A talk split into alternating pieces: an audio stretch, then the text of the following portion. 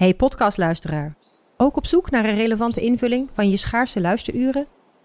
Tune dan in op de podcastserie ESG, even samengevat van BNP Paribas.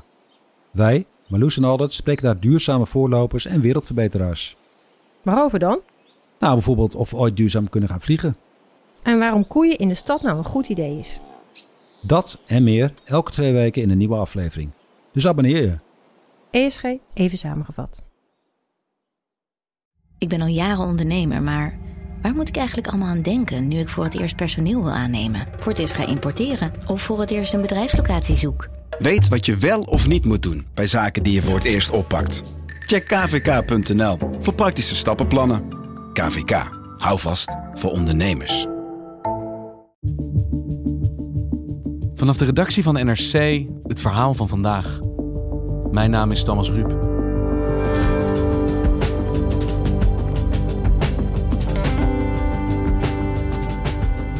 Een correspondent kan niet zonder fixer. Iemand die als poortwachter de journalist toegang biedt tot anders gesloten werelden. Voor Afrika-correspondent Koert Lindijer is Robert Ochola zo iemand. Al twaalf jaar neemt Robert hem op sleeptouw door de sloppenwijken van Nairobi. Uit werk volgt de vriendschap. En toch zullen hun levens en kansen nooit hetzelfde zijn.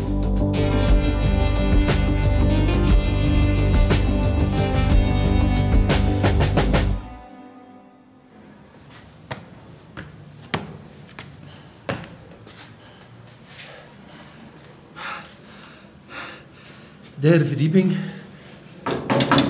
Robo, Hoddy. Ik ben begin eh, deze week bij Robert geweest. Robert Ochola, 40 jaar, vriend, fixer. Hij woont in Ziwani, eh, net aan de rand eh, van de Sloppenwijken. En daar op de straten is zijn naam Robo. Hey. Hey, how are you? New house, new house. Hi, how are you? Hi, good. Hey, hey. Welcome to the ghetto. Robert is een stevige jongen eh, met bakkenbaardjes. eh, die goed op zijn uiterlijk let. Zoals iedereen dat in, ehm, in de sloppenwijken doet. Want in eh, de sloppenwijken laat je je juist van je beste kant zien. Hey kids! Eh, ako puto natuletea corona. We leven in dezelfde stad, maar we leven in een heel andere wereld. Hij leeft in het arme deel van Nairobi, waar 70% eh, van de inwoners van de Keniaanse hoofdstad woont. En ik woon in het rijke gedeelte, waar 5%, eh 6% de allerrijkste eh, van, eh, van eh, Nairobi wonen. En als hij jou welkom heet in zijn wereld, wat voor plek kom je dan terecht bij hem thuis? Hij woont nu in een klein vetje op driehoog om zijn eh, kinderen eh, te beschermen. Eh, het is ontzaglijk klein, het is druk en het is, het is vies in de buurt. Maar hij woont niet in het ergste van het ergste. Als je helemaal onderaan de ladder staat, dan woon je in een 1 bij 1, 1 bij 2 meter eh, huisje met golfplaten daken als, als muren. Hij heeft een stenen huis en hij heeft soms zelfs water uit de kraan. De geur is direct anders. Het is de zoete geur van rottend afval. Het zijn de stroompjes water, riolering die langs de kant van de straat lopen. En je raakt constant schouders van voorbijgangers aan. Het is te druk. En het is te gevaarlijk in de zin van dat de politie vaak de controle over dit soort wijken eh, kwijt is geraakt. Dat milities de orde of de wanorde, zoals je wil, bewaken. En het is daar iedereen voor zichzelf. In de ghetto is geen gerechtigheid. Dus daar zorg je voor jezelf. Hey Koert, ik ben vorig jaar bij jou op bezoek geweest. Eh, Jouw Nairobi is niet dat van Robert. Ik woon in een gebied waar tien jaar geleden ik op de veranda eh, buffels zag langskomen. Waarbij katten en honden zijn opgegeten door jachtluipaarden. Ik woon in de rust en de vrede van, eh, van Karen in de heuvels. En hoe wordt er vanuit de wereld van Robert gekeken naar de buurt waar jij in woont? De omstandigheden waar jij in verkeert? Als zijn kinderen hier komen, dan klimmen ze in de boom. Dan gaan ze rennen, want ze kunnen nooit verder dan 10 meter rennen. En hier kunnen ze uh, 100 meter rennen. Dan gaan ze helemaal op in de natuur. Look at the water, look at the dirt, the garbage just strewn all over. So for them coming up there just for some peace of mind. That's why when my son was there, he was all over up the trees. Dus de wereld die ze hier leren kennen van natuur en geluiden en rust is voor de kinderen van Robert alsof ze op een andere planeet zijn gearriveerd. Trust me when I tell you that every time we, we come to that side of town or even when we go out to the national park or something, it's really memorable for them. So that's why I take advantage of you, my, my good friend. en hoe kennen jij en Robert elkaar? Kenia was in 2007, 2008 in een even diepe crisis verwikkeld als uh, waarin we ons nu verkeren. En dat was nadat er gigantische fraude had plaatsgevonden in 2007 na de verkiezingen, eind van het jaar. En toen is er een golf van geweld over Kenia gegaan. En eigenlijk 2,5, 3 maanden lang verkeerde het land in, in, in chaos. In Kenia tekent zich het begin van een humanitaire ramp af. Na de verkiezingen in het land zijn 180.000 mensen voor het geweld op de vlucht geslagen. Onze correspondent Koert Lindijer in Nairobi. Waarom leidt dit nou tot zoveel geweld? Toen de uitslag bekend werd gemaakt, 15 minuten later, overal in het land begonnen de onlusten in de sloppenwijken. Nu wordt de traangas uh, afgestoken in het uh, Oerenpark en wordt uh, door de politie in de lucht geschoten. Ach, wat is dat toch een verschrikkelijke troep, dat traangas. De wereld ziet er heel vertroebeld uit op uh, dit moment. Men probeert een kleine groep uh, demonstranten die toch naar het Oehoerenpark zijn opgetrokken te verwijderen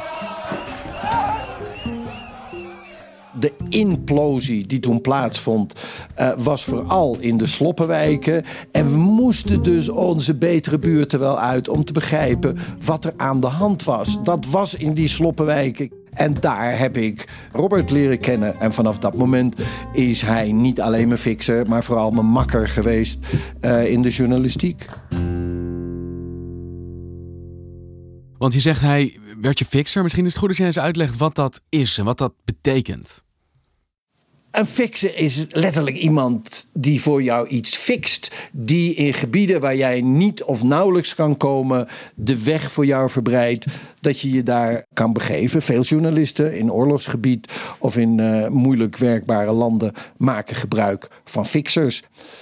In Kenia zelf, wanneer je de taal spreekt, het Kiswahili, en dat doe ik, heb je natuurlijk eigenlijk geen fixer nodig. Want het is jouw wereld en je weet je weg wel te vinden in dat land. Maar omdat Kenia uit een arm en een rijk gedeelte bestaat, kan je niet zomaar die onzichtbare scheidslijn op basis van wat je in je zak hebt, namelijk geld, die kan je niet zomaar overgaan. Aan de andere kant van die scheidslijn gedragen mensen zich anders. De manier van hoe je je opstelt ten opzichte van de positie is anders. Daar heb je een gids voor nodig, een poortwachter, als je het zo zou willen noemen. En dat is Robert voor mij geworden. Dus je kan simpelweg je werk niet doen zonder een poortwachter zoals hij. Uh, essentieel. En op het moment dat jij hem leerde kennen, hoe zag zijn leven er toen uit? Ghetto Radio was net uh, begonnen. Een radiostation waarbij de reporters de straat op worden gestuurd. Wat zeg ik? Uh, de, de steegjes uh, van de sloppenwijken worden ingestuurd. Ghetto Radio. Ghetto, ghetto Radio. Who you with? Is you with us? Ghetto Radio om daar verslag te doen van wat zich daar afspeelt. En dat was een uniek experiment, omdat die hele bevolkingsgroep, daar werd niet naar geluisterd, laat staan dat er een radiostation voor ze bestond. Dus het begin van Ghetto Radio was het begin van een stem die klonk vanuit uh, de sloppenwijken van Nairobi.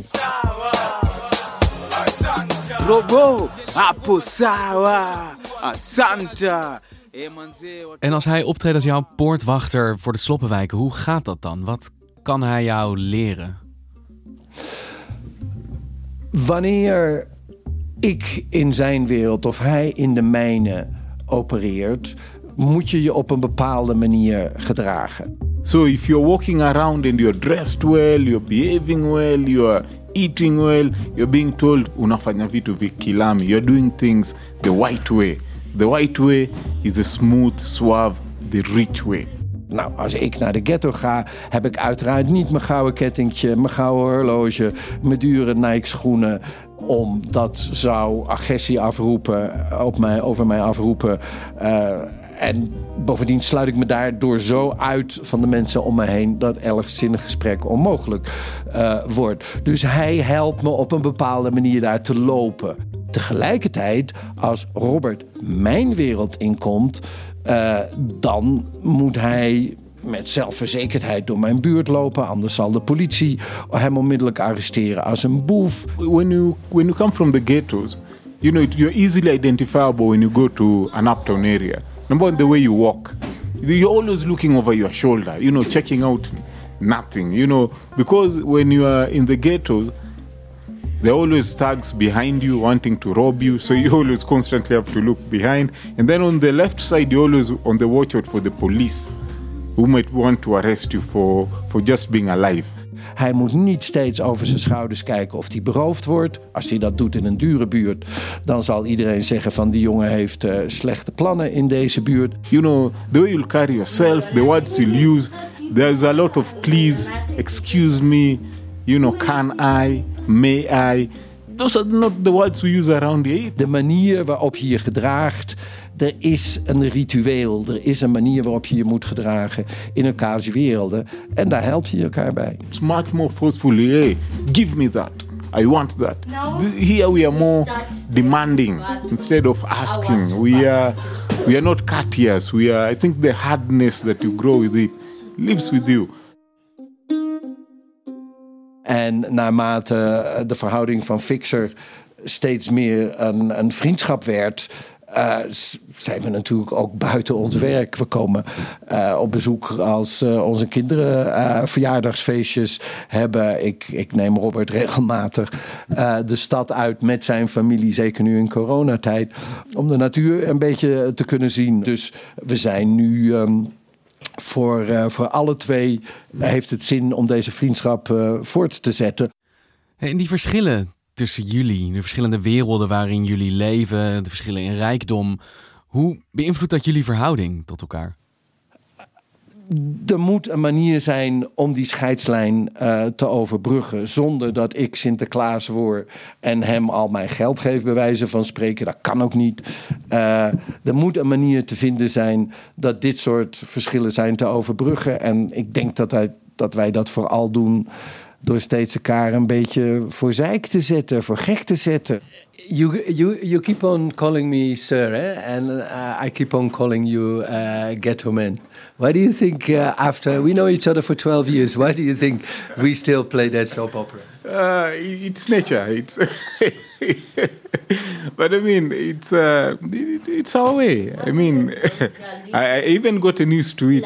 but you know, you know, it is. It's. Uh, Black Lives Matter. so if I call you sir, you know my life will matter. dus met spelende wijze komen we er wel uit. Maar het, het is een pijnlijke scheidslijn dan wanneer het om huidskleur of om stamafkomst zou gaan. Want er is zo weinig aan te doen.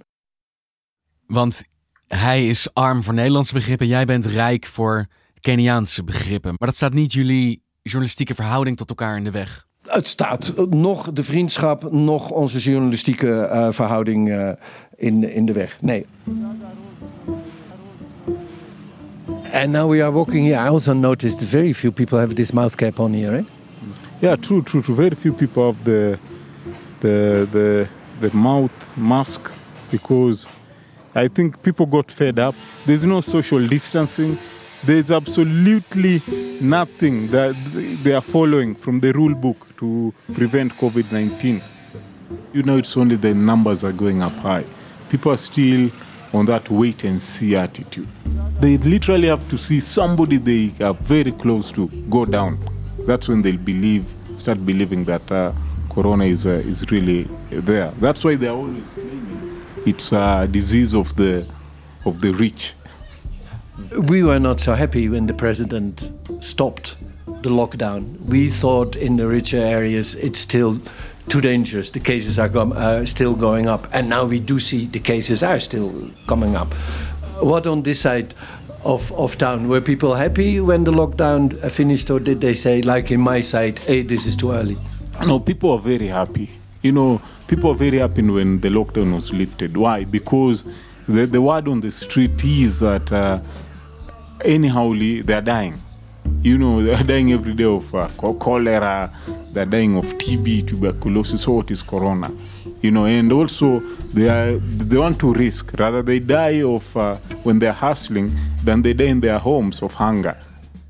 People decided to to go all out you know, to go all out, risk it all because they can't feed their families, there are no jobs, you know, and people just can't sit and wait for, for, for nothing, for something that's not coming. En in de tijd dat jullie elkaar kennen, dat jullie werken met elkaar, dat jullie vriendschap zich ontwikkelde, heb jij het gevoel gehad dat zijn leven beter is geworden, makkelijker? Wanneer je in de sloppenwijken wordt geboren, dan heb je op een gegeven moment sta je op die tweesprong en heb je een keuze. It's always that way. So there's a, there's a big chance that you, you might end up being good or bad.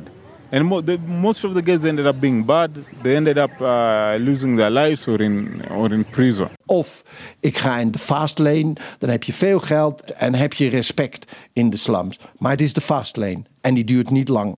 De andere manier is een veel langere weg en een weg waar je waarschijnlijk geen succes zal hebben. En dat is toch naar school proberen te gaan, toch een baan proberen te krijgen. Ook al is het voor maar 1 euro per dag. En langzaam maar zeker iets opbouwen waardoor je gaat opvallen en misschien een vaste baan krijgt. I went through that and I was lucky to be one of the few guys who ended up positively. Most of them, my, my, my, age mates, my peers ended up negatively. En tegelijkertijd zeg je, hij woont ergens in het, ja, het schemergebied tussen de sloppen en het randje van middenklasse. Is verheffing voor iemand als Robert niet mogelijk daar? Ik denk dat hij het niet wil. Kijk, zijn grote dilemma is... hij hoort bij die slums. Daar zit zijn dynamiek. Daar komt hij vandaan en daar wil hij ook blijven. Maar tegelijkertijd is hij ontzaglijk beschermend voor zijn twee kinderen. Hij heeft een zoon van tien, Trevor, en Iman, een dochter van acht jaar. I'm not sure if uh, uh, them, if they'll end up being like me, somebody that's tried to get out of the ghettos with all the challenges. Ik denk dat hij echt verscheurd is in zijn hoofd. En dat hij zich realiseert dat hij uit die wereld weg moet om zijn kinderen daar weg te halen. Maar omdat hij niet weg wil en dan ook zijn hele bestaansrecht verdwenen is, niet waar? Zijn werk is nu ook gebaseerd op uh, wat hij kent van die, van die sloppen. Uh, hij, heeft, hij heeft geen keuze. Trust me, uh, you know, the life I went through, I'm trying uh, for them to, to be different, think differently, act differently. I've seen the advantages that ha- come with even just having different thoughts. You know, when you're thinking like uh, uptown, when you're thinking like uh, the rich people, it has so many advantages, you know. Hij ziet in mijn wereld een voorbeeld wat zijn kinderen kunnen gaan volgen. Namelijk een wereld waarin je gegarandeerd onderwijs hebt, waarin je gegarandeerd uh, naar een ziekenhuis toe kan en waarin je niet heel de tijd over je schouder hoeft te kijken of je wordt overvallen. And one of the ways I'm mitigating it is by showing them the other side of life. And that's why it's an advantage for me having a friend like you who comes from the other side of town. So when they come, they see, they watch, they hear, they listen, they experience, and they'll want to be with the things from that side, not from this, not from my side. Something to strive for. Some, something to work towards to. In zo'n sloppenwijk is natuurlijk een sterke band uh, tussen mensen. Ik heb meegemaakt dat ik op stap was op een afvalhoop met een gang die vervolgens door een andere gang werd aangevallen, waar messen zijn getrokken, waar bloed is gevloeid. En dan verdedigen mensen jou toch. Die broederschap, dat kleine beetje Ubuntu wat er nog bestaat. Hè? De Afrikaanse filosofie van ik ben omdat wij zijn. In dat asociale, urbane leven is er nog iets van over, die solidariteit die heeft Robert me gegeven. En dat is een, is een gevoel um, van vriendschap, kameraadschap, uh, kameraadschappelijkheid die mijn leven heeft verrijkt. Dat Robert jou in zijn broederschap heeft toegelaten. Dat dit prachtige vak van ons het mogelijk maakt om in andermans hoofden en harten te kruipen. En soms, als het om Robert gaat, een beetje te in te blijven steken. Dat is de uniekheid van ons vak, denk ik. En uh, Robert helpt me daarbij. Dankjewel, Koert. Je luisterde naar vandaag, een podcast van NRC. Eén verhaal, elke dag. Vandaag wordt gemaakt door Mirjam van Zuidam, Henk Ruigrok van der Werven, Tessa Kolen, Ido Havinga, Julie Blusset, Jan-Paul de Bond, Ruben Pest, Felicia Alberding en Jeppe van Kesteren. De muziek die je hoort is van Rufus van Baardwijk. Dit was vandaag. Maandag weer.